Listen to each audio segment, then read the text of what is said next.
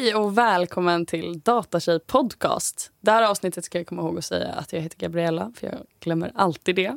Eh, Och idag är jag här med podden Developers. Så välkommen. Sofia. Och Madde. yay! Ja, jag tänkte vi kanske kan börja prata lite med... Eller, vi börjar kanske med varför ni eh, har hamnat i den här branschen. Varför är ni developers?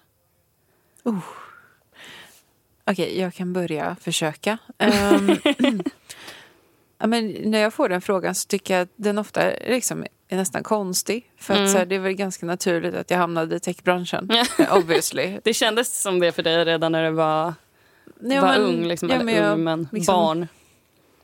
jag är alltid intresserad av teknik. Jag gick teknik på gymnasiet. Jag Ah. började bassa på KTH. Alltså, jag, Ja, jag vet att jag, att jag ska bli någon slags ingenjör. ja. Ehm, sen jag KTH, jag gick inte den vägen Nej. för att det var så, det var så mycket matte.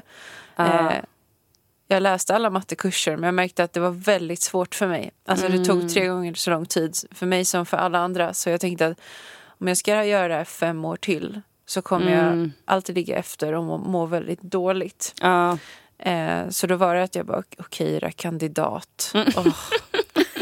Och det kändes som någonting... Klanka ner. Ja, men, nej, men vet inte, man får så förutfattade meningar när man är ung. Eh, ja, men att titlar känns så himla viktigt då. Alltså bara civilingenjör. ja, alltså. så det beror på vad ens föräldrar stoppar in i ens huvud. ja, ja, verkligen. Ja, det Mm. var ju självklart att jag skulle bli ingenjör. Ja, ja. Mm. Eh, nej, men då eh, kom jag in på en kandidat i, i Malmö. Jag behövde verkligen också byta stad eh, Ja. då, eh, med, från Stockholm. Mm. Eh, så jag pluggade kandidat i, i datavetenskap, eh, applikationsutveckling i Malmö. Mm. Eh, och det var helt perfekt. Tre år. Eh, det var ändå tufft men Mm. slapp i alla fall matten. Eh, Ja. Så ja, det Men och det känns också mer... Alltså jag har ju pluggat men jag kan känna att det är mycket jag har pluggat som jag bara, vad har jag för användning för det där? Det, var det, det pluggade jag för att få titeln civilingenjör men kanske inte så mycket användning av det idag. Liksom. Men så det känns som att många sådana kandidatprogram är mycket mer fokuserade liksom, eh, på ett ämne än, och att ingenjörsprogram kan bli så spretiga. Liksom. Det finns nog för och nackdelar. Som sagt, Ja. Vi träffar många som är liksom självlärda eller eh, gått Ja. YH-utbildningar. Ja, men precis. Ännu spetsigare. Liksom. Ja, så det är verkligen som någon frågar. Folk frågar ju ofta vad ska jag plugga? Tar Mm. det som passar dig. Älskar du att plugga? Det brukar gå lätt för dig. Men ta civilingenjör Ja, då. ja. Eh, vill du bara bli klar snabbt och vill bara ut och jobba, ta en YH eller bootcamp. Ja, Det är, sen är ju liksom lönen samma och du jobbar med samma sak efter några år. Ja, ja. men precis. precis. mm. Mm. Det är min story. Ja. Min story då. Ehm, till skillnad från Sofia så har jag ju inte alltid känt att jag vill jobba med någonting med teknik. Nej. Och jag har inga föräldrar som har akademisk bakgrund eller någonting. Så det har liksom inte kommit naturligt för mig på det sättet. Nej. Men jag har alltid haft ett intresse för datorer. Mm. Ehm, när jag var liten, jag har två systrar som är lite äldre, de är 10 och 12 år äldre än mig. Mm. Och eh, när jag var typ så här fyra, fem år så hade vi en omröstning i familjen om vi skulle skaffa ett Nintendo 8 bitar eller en mikrovågsugn. Vi hade liksom inte råd med både och, så det var Ah. val där. Och eh, min mamma blev ju nedröstad då typ ett mot fyra. så jag är uppvuxen med en Nintendo-handkontroll i handen. Och, jag har Och ingen mikrovågsugn. In, nej, ja, senare blev det när vi, hade råd med det. Men, ingen mikro när jag växte upp för att mamma och Nej, pappa men- hade någon idé om att det var dåligt. ja, men 90-talet var liksom så här ett speciellt. Ja. Exakt. Ehm, men så jag har liksom alltid spelat Nintendo. Sen ehm, när vi fick vår första dator så började jag spela dataspel. Och så här. Det dröjde ganska lång tid innan vi fick bredband ska jag säga. Jag lyckades, eh, jag tjatade och tjatade som fan på mina föräldrar. Lyckades övertala min pappa genom att få honom att börja spela World of Warcraft. Då var det liksom, då var det no turning back. Ehm, Ah. Smart. men jag har alltid varit den i familjen som får fixa liksom, skrivare och allt sånt här. Ja, någonting Precis. Ehm, men jag har liksom inte bakgrunden i programmering som vissa... Jag vet inte, vi har ju många kollegor som ah, jag har programmerat sedan jag var fem år gammal. Ja. Det har liksom inte jag gjort. Nej. Men ehm, jag ville bli journalist när jag var liten. Så att, eh, jag gick medieprogrammet på gymnasiet. Mm. och tänkte att eh, jag ska liksom, bli journalist eller författare eller någonting jag vill skriva. Och jag hade en blogg som jag eh, uppdaterade för att jag tänkte att jag ville liksom få ut mina texter och artiklar och allting. Och insåg ganska snabbt att för att bli liksom någon som blir känd på sitt bloggande så måste man ha en ganska attraktiv design. Mm. Alltså nu snackar vi, vad var detta, typ så här 2008 när bloggar börjar bli liksom Ja, stort. ja. Alla liksom Blondinbella och Kinsa och allt sånt. Mm. Eh, och jag satt där och försökte bygga designer. Och jag fattade ju inte att det jag gjorde var HTML och CSS. Nej. Jag bara copy-pastade någonting jag hittade och experimenterade Googla lite, lite, googlade ja. fram någonting. Hade ingen aning om att det var kod. Sen så tog jag studenten och så här, ville inte längre bli journalist. Och tänkte vad, vad tusan ska jag göra med mitt liv? Jag har ingen aning. Och jag har alltid varit driftig och driven. Jag vet att jag vill komma någonstans men jag visste inte vad. Vad ska jag Mm. fokusera på? Mm. Så jag tog ett eh, sabbatsår och eh, eftersom jag är lite nördig och så här så var det inte så att jag åkte till Asien och backpackade eller någonting utan jag tog ett sabbatsår där jag läste vad jag ville på universitetet. Nice. Bara för det var kul. Ja. Så då läste jag psykologi. Och sen Ah. läste jag en kurs som hette skiss-och-ritteknik. Tyckte det var kul att Mhm. rita, det var också så helt random. Lära sig Mm. rita kroki och allting. Mm. Eh, och så läste jag en kurs i webbdesign. Mm. Och då kände jag så här, shit det här var ju det här, det här var ju det jag höll på med och liksom så här, jag började fatta att det här var ju ändå kul. Ja. Eh, och den läste jag också på Malmö universitet. Och så tänkte jag, okej jag gillar verkligen den här skolan och allting, det är bra stämning. Jag ska kolla om det finns någonting om programmering här. Mm. Och så blev det att jag läste systemutvecklare, samma utbildning som eh, Sofia gick ungefär. Ja. Och eh, det var verkligen ingen självklarhet. Jag eh, känner liksom ingen, har ingen förebild som har varit utvecklare eller någonting. Nej. Så det var svårt att hitta den här, liksom, ens komma på tanken att det här är någonting jag kan jobba med. Nej, men precis. Det är som att det inte har funnits i, ens vokabulär på något Nej, sätt. precis. Jag hade faktiskt en kompis som var några år äldre och han jobbade som utvecklare men inte ens då fattade jag att det var någonting man kunde göra. Det var så långt bort Nej, men man värld. tänkte ju bara Jolt-kolan i källaren och uh, Ja. mör- mörker, en mörk skärm med grön text. Det var Ja, så här, någon som satt och kodade. Ja. Ja. men verkligen. Nej, men överlag tyckte jag det var svårt att veta vilka yrken som finns. Man kunde så här, okej du kan bli brandman, du Ja, kan bli exakt, advokat, exakt. läkare, lärare. Ingenjör. It. Ingenjör, det är typ de sakerna. ja, exakt. Men den håller jag med om. Alltså att man förstod inte... Man visste att det fanns programmerare men man förstod inte hur de såg ut eller vilka de var. Nej. För jag gick ju teknik och jag gick teknikdesign. Och det fanns en klass som hette typ teknikdata. Mm. Och vi hade hälften av alla våra kurser med dem. Mm. Men jag kunde aldrig koppla att det de gjorde var programmering och att det liksom var yrk, det yrket. Det, Ja. det är nog både för killar och tjejer ändå att det är så. De killarna i min klass fattade nog inte heller vad den andra klassen Nej. gjorde. Liksom. Nej, men exakt. Men och att det finns så himla mycket yrken inom vår bransch som inte är så här kodyrken. Alltså jag tror att det är så många som bara, "Ja, men ska man jobba med, med data eller liksom IT-branschen, då är det så här, då måste man programmera och man måste kunna det här och det här och att det är så här, nej men du kan komma med liksom management-bakgrund eller en sån typ av utbildning och göra värsta karriären inom IT. Liksom. Och att det är, det, det är nog en väldigt smal bild. Liksom. Men, men hur träffades ni då? Hur blev det developers? Hur kom, den, hur kom det du fram? kan ju den här storyn. Men jag kan börja hur jag träffade dig för sig. Mm. Jag träffade ju dig innan du träffade mig på ett sätt. Det är det är deppigt när det är så, när den ena kommer ihåg den andra. Men man, man själv har inte gjort något intryck. För jag vet vem du är, men du minns tydligen inte mig. Ja, men det, var, det, var inte, det var inte riktigt så, men det var lite så här äh, stalkervarning. Nej, men jag, eh, Madde pluggade i princip samma utbildning som mig, men några år innan. Ehm, Mm. Och när jag skulle ut och söka jobb så fanns det ett konsultbolag, det jag jobbar på just nu, eh, Eh, 1337, eh, som jag eh, ja, men var i en intervjuprocess med efter skolan.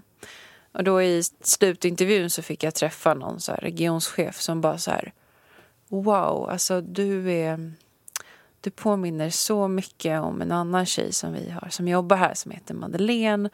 Eh, typ du borde kolla in henne till och med eller något så här. Eh, jag, jag, alltså, han, han såg mig, eh, eller henne i mig, jag vet inte hur det blir. Eh, och då var det ett tag tills jag skulle börja jobba där, eh, för jag gick fortfarande i skolan. Så under de här månaderna innan jag började på 1337 så stakade jag upp allt som man hade gjort. Och hon var så här, man, man gick in på hennes LinkedIn så var det typ så här, hon håller talks, hon inspirerar tjejer och hon är konferencier och hon var med i någon podd. Och det var så här, åh herregud.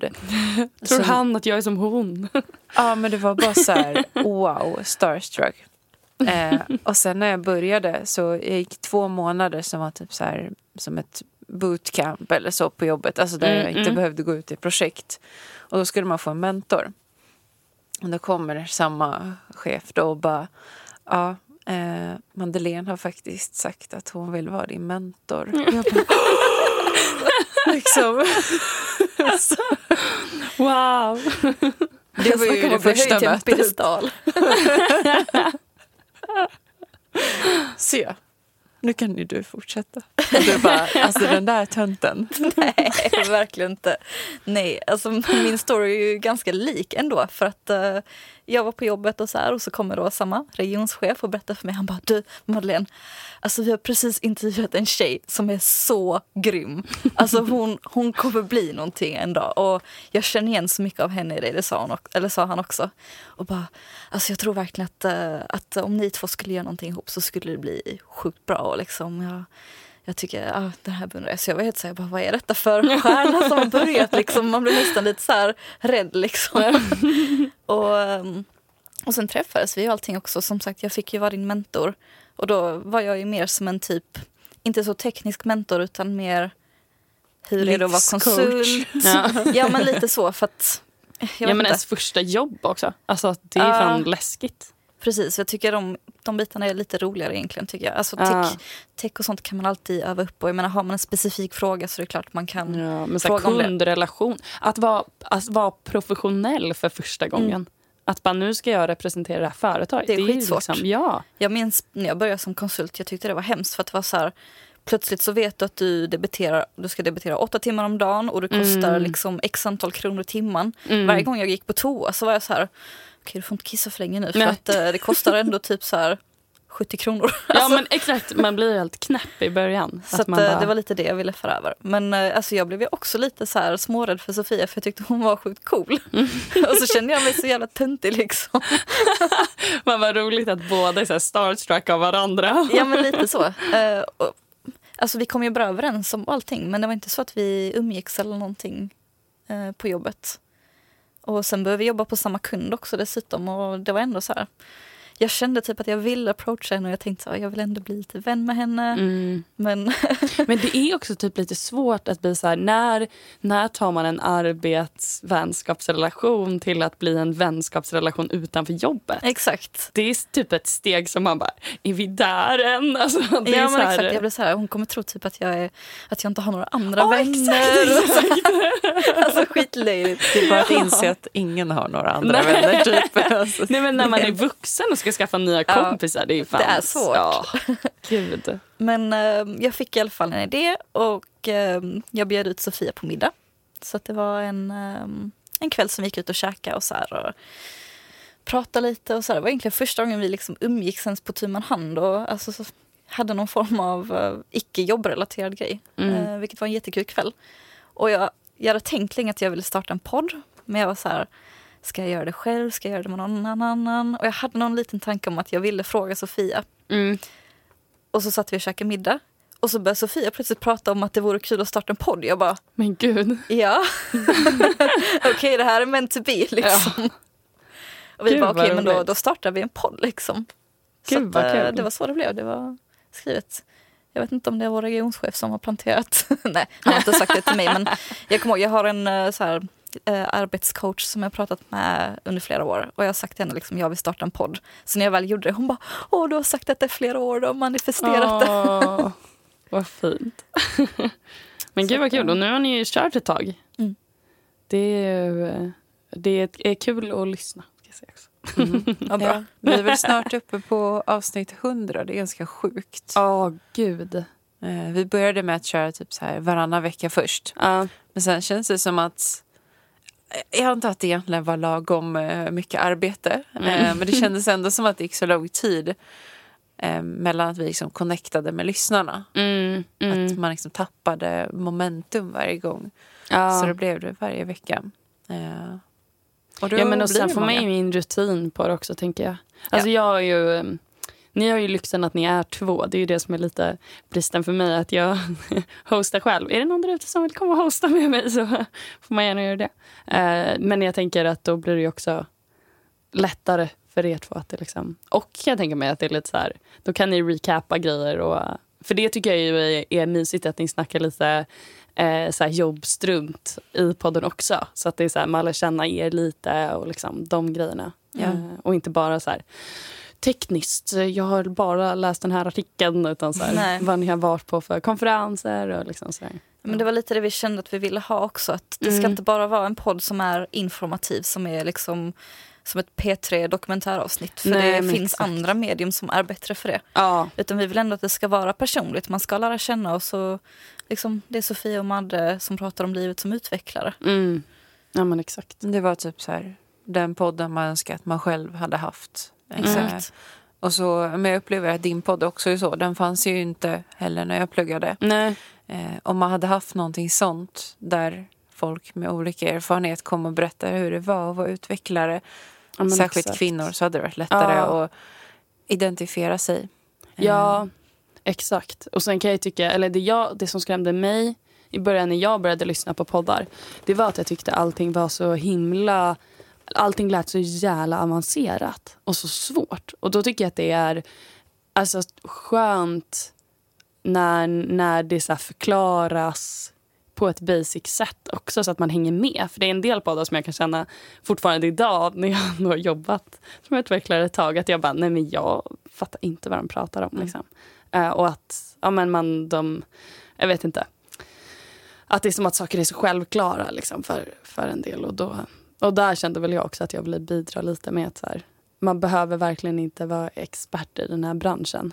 Eh, för det känns också som, en, jag vet inte om ni håller med om det, att det känns som att det är många som är så här, eh, jag kodar på fritiden, jag, mitt liv är kod, jag kan allt om C-sharp typ, och är så här, har koll på varenda liten release som kommer och bara och jag bara, jag vet inte hur en dator funkar eh, men eh, Python kan jag helt okej bra. Alltså, så här, Att man liksom, ja. Men det är precis som du säger. Eh, det är som sociala medier. Man tror att eh, de som syns, det är de som lever fantastiska liv. ja. Och det är så inom utveckling också. De som syns väldigt starkt är ju de som så här, de lever för det. Men så är inte vi andra. Nej. Eh, det märks också väldigt tydligt att alltså, nivån är inte så hög bland utvecklare. Folk kan inte allt. Eh, för vi var på konferens bara idag, en Mm. JavaScript-konferens. Eh, och ämnena är väldigt basic. Mm. Man går igenom väldigt basic saker inom till exempel säkerhet. Det mest grundliga, eller det mest grundliga inom allt egentligen. Ehm, för att, jag vet inte, grunden är ju bara att du ska kunna skriva det språk du behärskar. Ja. Och allt annat skrapar man på ytan på. Mm. Ja. Så att, eh, ja, hör man någon sån, alltså supernörd, ja, men det är en supernörd som har lagt hela sitt liv på det. Det är inte Mm, så folk mm, jobbar. Nej.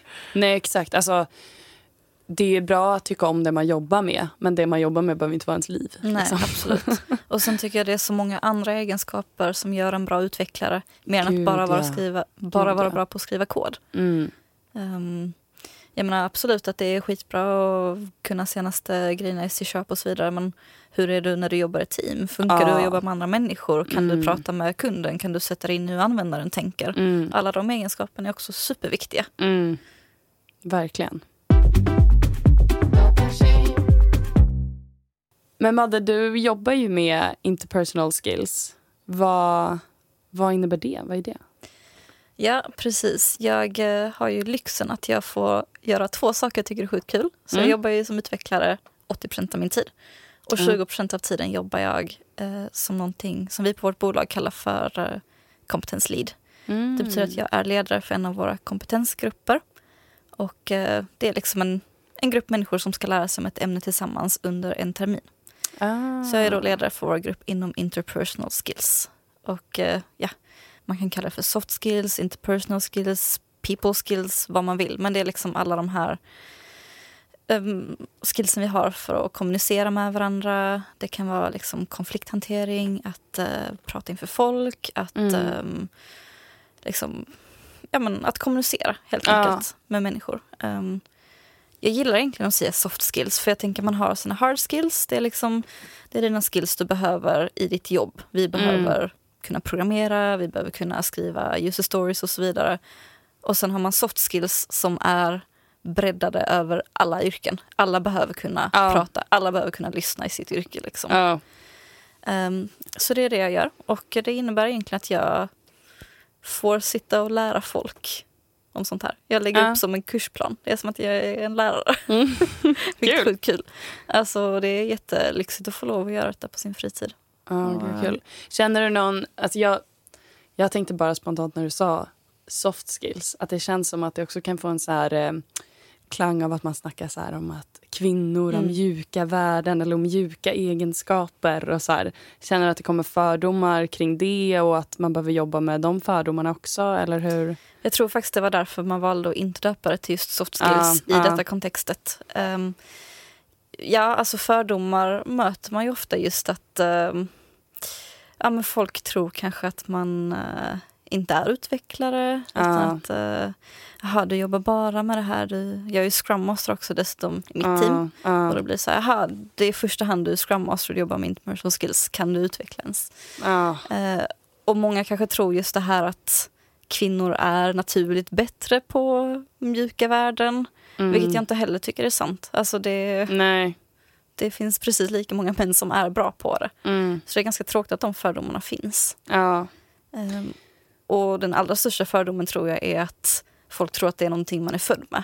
Mm. Och det är inte sant. Alltså de här skillsen kan du arbeta upp precis som att du ska lära dig React eller att du ska lära dig AI. Så Ja. kan du lära dig att bli en bättre lyssnare eller lära dig att ehm, prata så att folk lyssnar på dig och att Ja, du eller kan sälja in din idé. feedback på ett bra sätt. Ge feedback är också ett jättebra exempel. Det hade vi faktiskt som tema förra terminen. Ja. Då jobbar vi bara med att vi skulle bli bättre på att ge feedback och Mm. ta så här svåra samtal med andra. Ja.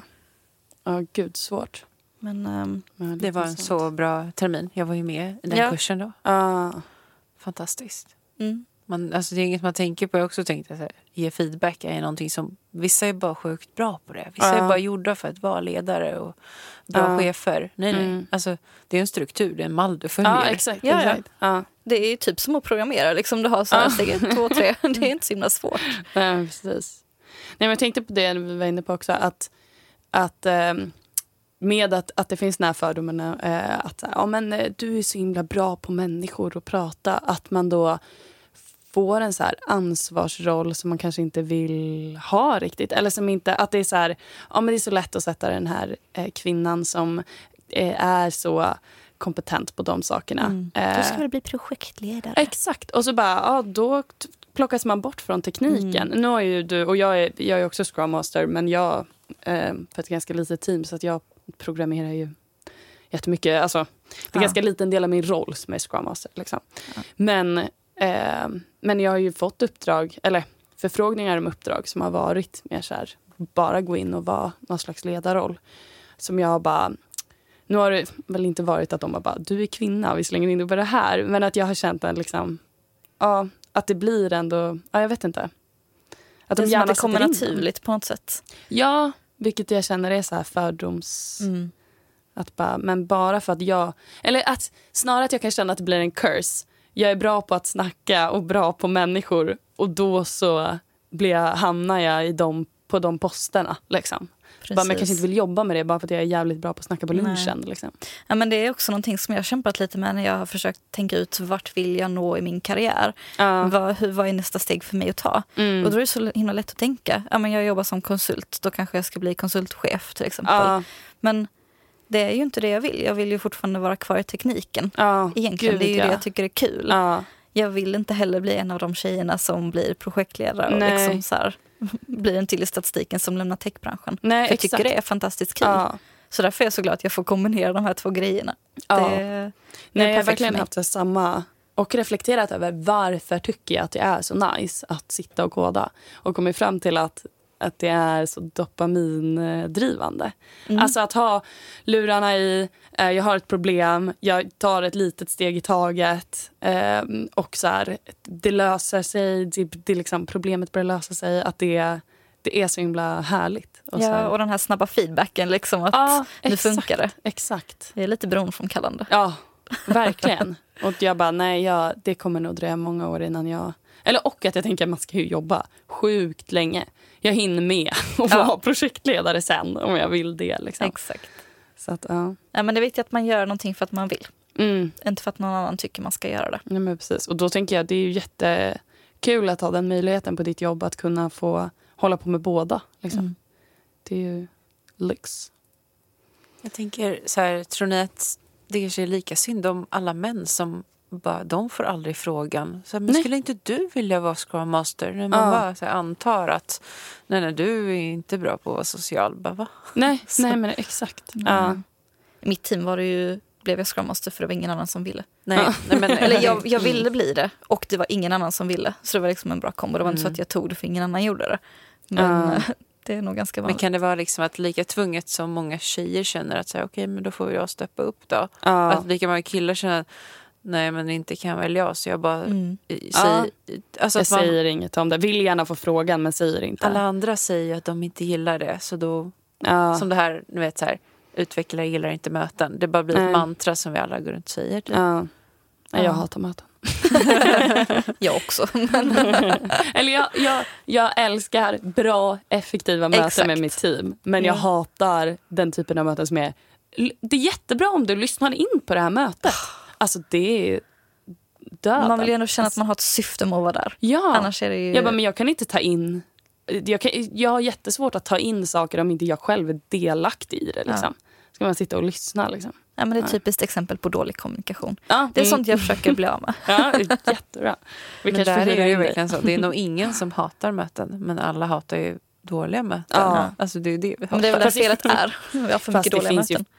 Förlåt men fan de männen i eh, liksom 50 plus årsåldern som älskar de där mötena för det är de som står där fram och Jo, men de håller älskar monolog. att höra ljudet av sin egen röst. Ja, det är det. exakt. Men de vet ju inte heller hur man jobbar. Alltså de har ju glömt bort hur man jobbar, i Ja. min teori. De har tagit möten, möten, möten. Sen bara, när de inte har ett möte, så här, vad, vad, vad, ska jag göra nu? Ja. Ja, nej, Det är bäst att jag ringer någon. ja, men också som inte orkar lära sig något nytt. Alltså så är det en, eh, en kompis som berättade att hon hade en kollega på sitt jobb som har jobbat liksom som programmerare i hur många år som helst. Men han har liksom inte orkat lära sig de nya verktygen. Så att han så här, skickar typ word-filer till henne med sin kod. Nej hon- men va? Kom Ja. igen. alltså, Sitter då och laddar upp på en FTP när han ska deploya någonting. Ja men exakt. Man bara, nej men det här. Han, han redigerar buggarna liksom rakt i prodd också. Ja, ja, Jättebra. Wow. Sofia, vad, vad jobbar du med då? Men jag är konsult, så Ja. det beror på. Ja. Eh, såklart. Men eh, just nu i mitt team så är jag... Jag har gått från någon så kallad fullstackutvecklare, vilket inte alls är sant. Det är bara att så här, jag rör mig inom båda och kan ingenting. Eh, men nu ska jag väl säga att jag är frontend-utvecklare. Ja. Och jag är även business analyst i mitt team, Mm. är min titel. Mm. Men nu har jag börjat presentera mig som bara frontend igen. För att det är så här, jag är frontend som bara vill ta reda på vad användaren vill ha. Lite, Ah. mer, Mm, mm, fattar. lite mer än kanske vissa backend-utvecklare. Skyldig. Ja. Nej men det är typ det jag gör. Eh, men sen har jag, jag har också ett, eh, ska man säga, jag leder ingen grupp eh, som Madde. Men jag har ett specialintresse för eh, hållbarhet inom mjukvaruutveckling. Mm. Som jag evangeliserar en hel del om sen typ förra året. Mm. Coolt. Och vad, vad innebär det då? Om man säger, eller alla vet väl vad hållbarhet är Mm. på något sätt. Men, men inom kod vad, och inom mjukvara, vad snackar vi då? Liksom? Mm, det är inte konstigt om man inte hört det. Om någon Nej. bara, "Åh, jag visste inte om det här nu. Eh, det, det är ett väldigt eh, nytt område. Mm. Eh, så det är en liten community kring det. Men det växer starkare och starkare. För att Mm. eh, vi har eh, vad blir det? Eh, sju år kvar till att halvera jordens eh, gud, koldioxidutsläpp. Alla serverhallar och... Yep. Mm. Så när man börjar tänka på det så förstår man kanske varför kod har eh, klimatpåverkan. Mm. Så liksom kod i sig eh, är inte omiljövänligt. Men när vi kör vår kod Mm. i en serverhall, eller det vi ofta kallar the cloud. Mm. Eh, Exakt. Det är i molnet, så det finns inte fysiskt. Så då är det ingen miljöpåverkan. exakt. Uppe i Ja, men det är så. Det man inte ser tänker man inte på.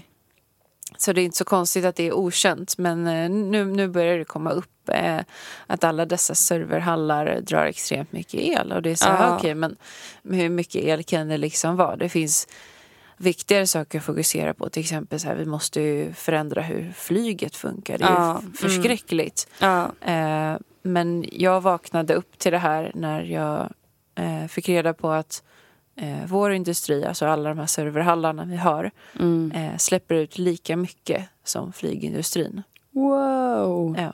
Det tror man inte. Alltså, man har ju alltid hört flygindustrin som den stora boven. Och så Åh, plötsligt så bidrar vi till det. Det är hemskt. Ja, och allt det här med flygskam. Eh, Men då kodskam eller vad exakt. Fan. Det är det jag brukar skämta om när jag föreläser om det. Att så här, okej, men rent logiskt så borde inte jag skämmas för att jag flög. Jag borde skämmas för att jag jobbar inom mjukvaruindustrin. Typ. Usch. Eh, så det är 3% av jordens utsläpp. Ja, jäklar ja. Mm. ja. Men då, jag tänker ju spontant på så här bitmining och... Du tänker inte på AI, det du själv jobbar med? Jo, absolut, absolut. Men jag tänker att det som har exploderat Ja. är ju just bitmining. Vilket också väl egentligen, jag kan oerhört lite om det. Men det är väl en typ av AI-teknik att mina. Ah, kanske Eh, inte? Det, nej, jag, vet, jag vet inte. Alltså, Det är ju det, beräkningstungt och då, då är det AI. det, det beror på. Vissa blockchains kräver ju att du löser vissa komplexa problem Ja, för att få lov att skriva på blockchainen. Eh, Ja. Vi ska nog inte ens gå in på det. Nej, det är liksom det- det- någon det annan som pratar om det.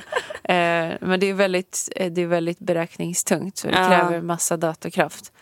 Ehm, och samma sak med AI. Jag brukar också ge ett exempel. Så här, du kan det här mycket mer än mig så jag kanske säger till mig fel. Men ehm, de flesta vet att AI är en energikrävande process. Men ehm, det var några forskare som ville förstå hur energikrävande det var. mm. Eh, och de ville inte bara jämföra det mot så här, ja, men så här många ton CO2. Eh, Mm. de ville jämföra det mot en bil. Mm. Eh, så liksom produktionsavtrycket från den och sen avtrycket från allt drivmedel som den kommer använda under sin livstid. Mm.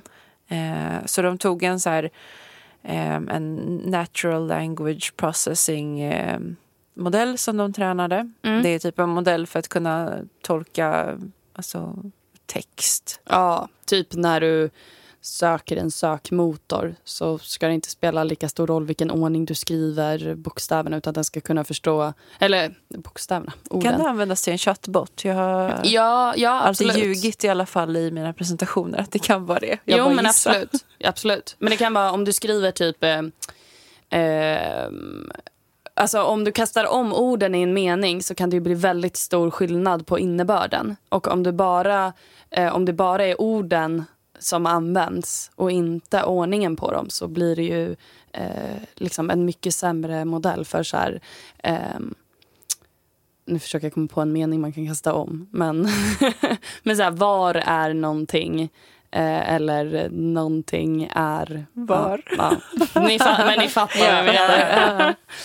Men, men ja, det är vad det är. Men, Okej, så jag har inte sagt helt fel. Nej, nej, det här är bra. jag, bara, jag har alltid så här, yeah you know like uh, chatbot for example. Så bara, fan. Det är ingen annan som vet det. Nej, exakt. exakt. det är bara Men man som säger vet. någonting jättesnabbt. Det är som i min medicinsk teknikbransch så är det det finns en massa standarder som har så här sifferkombinationer. Eh, och, då, och en av våra chefer han kan alla de här i huvudet så han bara rabblar. Och det låter så jävla proffsigt på så möten. Och bara, ja men det är som ICD Och då började en kollega skämta om att vi bara ska jättesnabbt rabbla några siffror. så att ISO 1337. Ja men för ingen, ing, det är ingen annan som kan dem heller. Men det blir jävligt pinsamt om någon kallar oss på det. Vilken, vilken standard då? Vi bara, eh. Du, jag googlade den här och det är liksom en standard för eh, frukt. Ja, Så- exakt. Ja. Mm.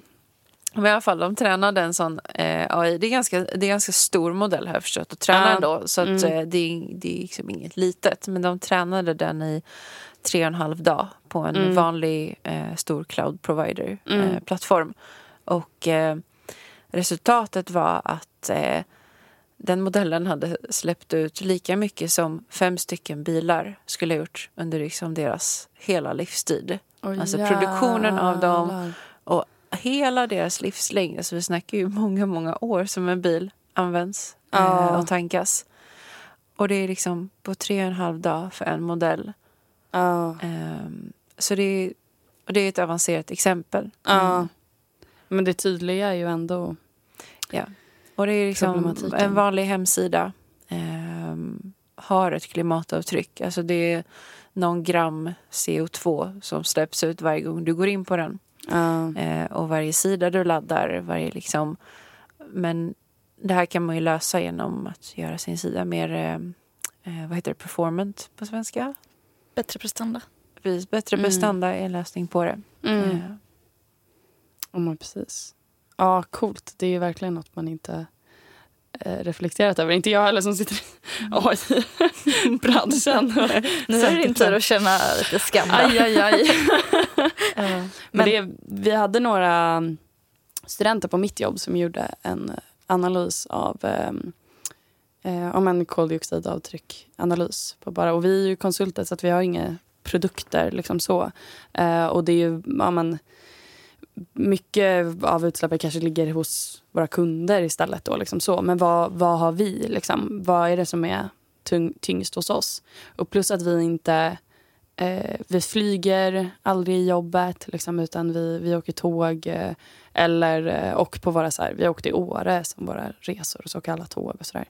Eh, så att det var inte så mycket på, på den sidan, vilket man, det var det man skulle gissa att det var. Men en tredjedel av, eller om det var ännu mer, om det var två tredjedelar till och med, av alla utsläpp var en och samma sak. Vad, om ni ska gissa, vad tror ni att det skulle vara då? Jag tror att det var två tredjedelar. då pratar vi direkta utsläpp. Ja, eller liksom om, om man säger... Jag kan ge er...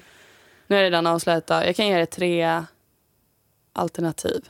Antingen var det ja, men, eh, resor, ändå allt. Liksom Åreresa och såna typer av grejer. Ehm, eller våran kaffekonsumtion. Ni kan få fyra. Eller våra datorer. Eller våra bildskärmar. Okej. Men jag vet nog svaret. Alltså, det beror ju på om ni har stationära datorer eller inte. Nej, alla har laptops. Laptops. Då skulle Mm. jag tro att det är bildskärmar. Mm. Det, det är lite sjukt. Två tredjedelar Ja. är bildskärmar. Alltså det, ja. Men det berättade du för mig senast idag, att olika färger släpper ut olika mycket, eller kostar olika mycket energi. Mm. Aha. Men det är så mycket. Det, det är också, jag hade gissat era laptops faktiskt.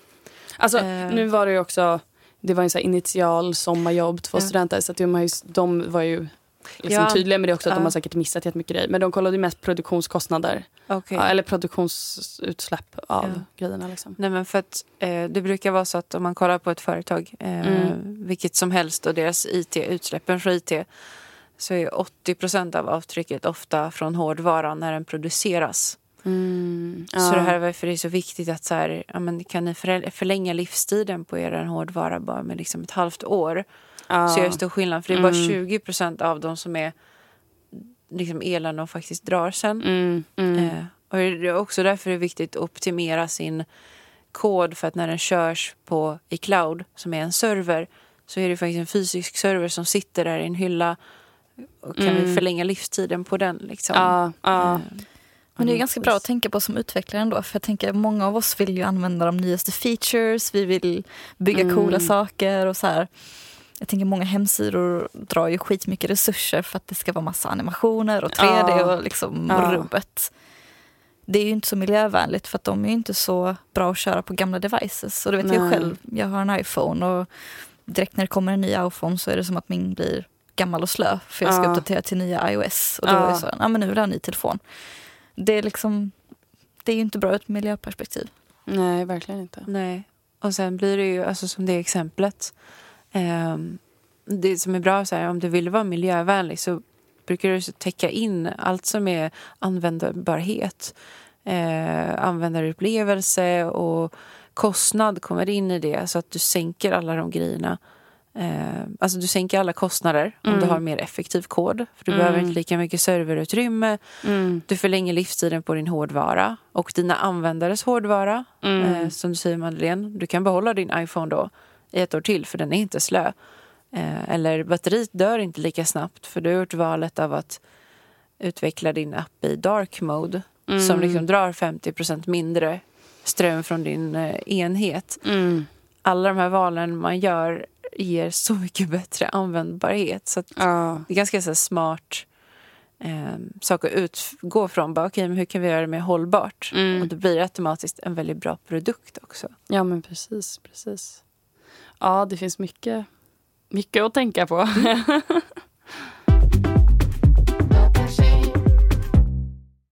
men vad, vad jobbar ni med? Vi har pratat om att ni jobbar fronten, men vad jobbar ni för tech-stack och för tekniker? Och liksom, vad gör ni om dagarna? Jag, eh, jag började ju egentligen som backendutvecklare Mhm. när jag började jobba. Hela min utbildning var det. Ja. Och jag jobbade i typ fem år kanske som backendutvecklare. Ah, och då var okej. det i .NET, C-sharp. Ja. Och sen så kände jag plötsligt att, för det var ju ändå CSS och HTML som jag började med som fick mig intresserad av utveckling. Jag tänkte, ja, men jag ska nog ändå testa det här lite mer. Jag testade JavaScript, jag hatade det. Jag tyckte det var fruktansvärt. Jag bara, jag ska aldrig någonsin programmera JavaScript, sa jag när jag var backendutvecklare. Men sen i mitt team så eh, skulle min, eh, vår frontenutvecklare gå på förä- föräldraledighet. Ja. Och eh, vi behövde ta in en ny frontenutvecklare. Så tänkte jag, men jag kanske ska passa på nu och gå- in och jobba lite mer med frontend. Så att jag gick liksom bredvid honom. Och han är världens bästa person och så pedagogisk och allting. Så att han lärde mig liksom jättemycket på kort tid.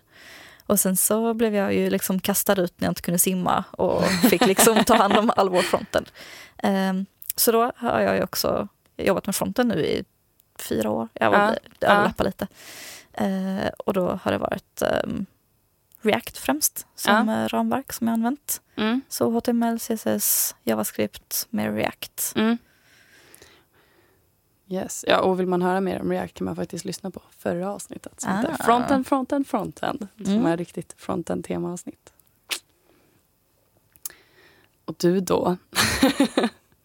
Vad gör du? Ja, men min eh, resa är ganska lik. Jag har inte jobbat lika länge, men jag kom också från en backend-utbildning. Men Mm. så fort jag började eh, där jag jobbar nu så var det bara så här, detta är JavaScript. Mm. Eh, så jag, jag kunde inte göra så mycket mer än att lära mig det. Ja.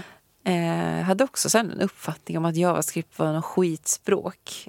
Alltså, vet inte. Det var någon fördom från backend-utvecklare. Men jag tror att det är för att vi båda kommer från typade språk. Ja. Jag från C-sharp, du från Java.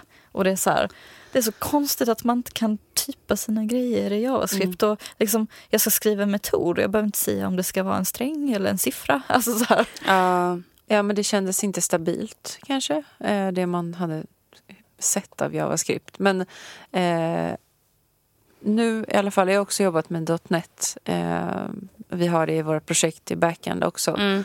Eh, men vi har även Node. Eh, så att jag skriver ibland alltså Cloud Functions i Node. Okej. Ehm, och, eh, men främst jobbar jag med React. Men då kör vi TypeScript. Mm. Ehm, som är ehm, ett, en typad version av JavaScript. Mm. Jag vet inte om ni gick igenom det på förra avsnittet. Mm. Nej, det gjorde vi faktiskt inte. Ja, men, ehm, det var så, när jag började och gnällde på JavaScript så kom Mm. det liksom en person som sa du kommer älska TypeScript då. Ehm, så att, men, eh, och det är bra att veta att det är lite industristandard. Uh, jag tror att går man på en intervju så frågar de gärna kan du TypeScript? Ja. För att det, det är ett mycket säkrare sätt att skriva kod. När du Fattar när man kan vet- typa. När man kan typa. Ja. Ehm, ja, eh, och sen ja, men precis som Madeleine, eh, vi sitter ju på samma kund så vi eh, använder Azure. och inga avancerade saker där egentligen. Mm. Ehm, men man behöver väl kunna skriva lite pipelines, pipelines ibland, i all- i alla fall fixa dem. Mm. Ehm, Och en pipeline är när det byggs kod kan man säga. Eller hur skulle ni Mm. beskriva en Byggs eller deployas för den delen. Ja, exakt. Ja, det är väl ett skript man skriver för att oftast eh, eh, egentligen utföra någonting på sin kod. Det kan vara Mm. att hej jag vill köra mina tester på min kod Ja, varje mm. natt. Eller som, som ni sa nu, eh, jag har skrivit en funktion och jag vill att den ska skickas upp i molnet så att Ja. användaren får den. Ja, men precis. Precis. då är det ett skript som gör det.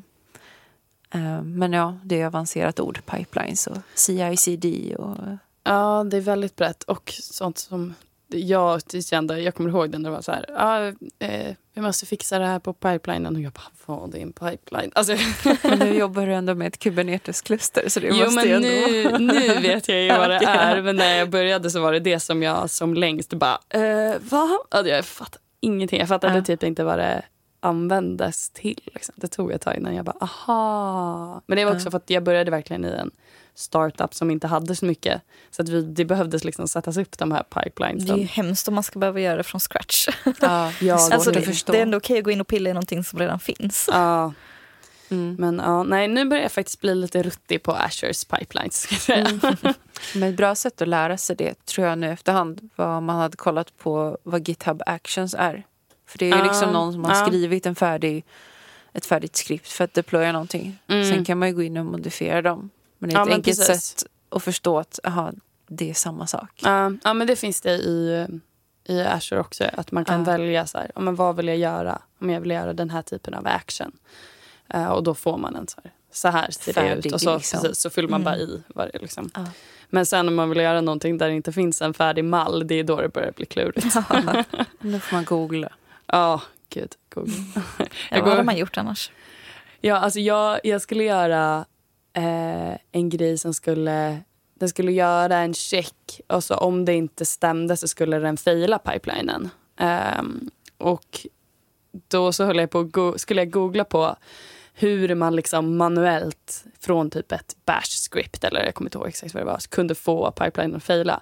Alla Google-svar jag fick upp, my pipeline fails. Och jag bara, nej jag vill faila. Hur, så bara, hur ska jag googla för att få fram det här svaret? Alltså det, Där var det inte bra natural language nej, processing. nej, nej, det var det inte. Den fattade inte min faktiska fråga. Och jag är så frustrerad.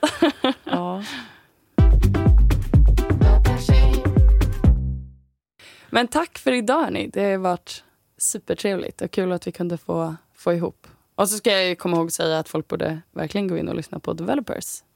Ja, särskilt eftersom du var gäst hos oss Ja, också. exakt, exakt. Vi har verkligen kört Kan man collab. höra, mig nörda runt i mitt field? ja. Om ja, man precis. Eh, om, om det är svårt att hitta vår podd så är det för att vi har en slogan efteråt. Så developers mer än bara kod kan vara lite enklare att hitta den på. Mm. Men tack så Superbra. jättemycket att vi fick komma. Ja, Ja. verkligen. Så kul Så att roligt. ha här. Eh, och så vill jag tacka Tom Gorren för introt i podden och Sonica Studio för att vi får spela in här. Tycker att alla som lyssnar ska gå in och bli medlemmar på Datatjej på datatjej.se och följa oss på Instagram, Facebook och LinkedIn där vi heter Datatjej. Och nu ska det även eh, startas upp en eh, TikTok har jag hört ska vara alla vägen. Så att man kan gå in och hitta oss där med. Eh, och har ni några frågor, förslag eller tankar om podden så kan ni mejla mig på podd.datatjej.se. Tack!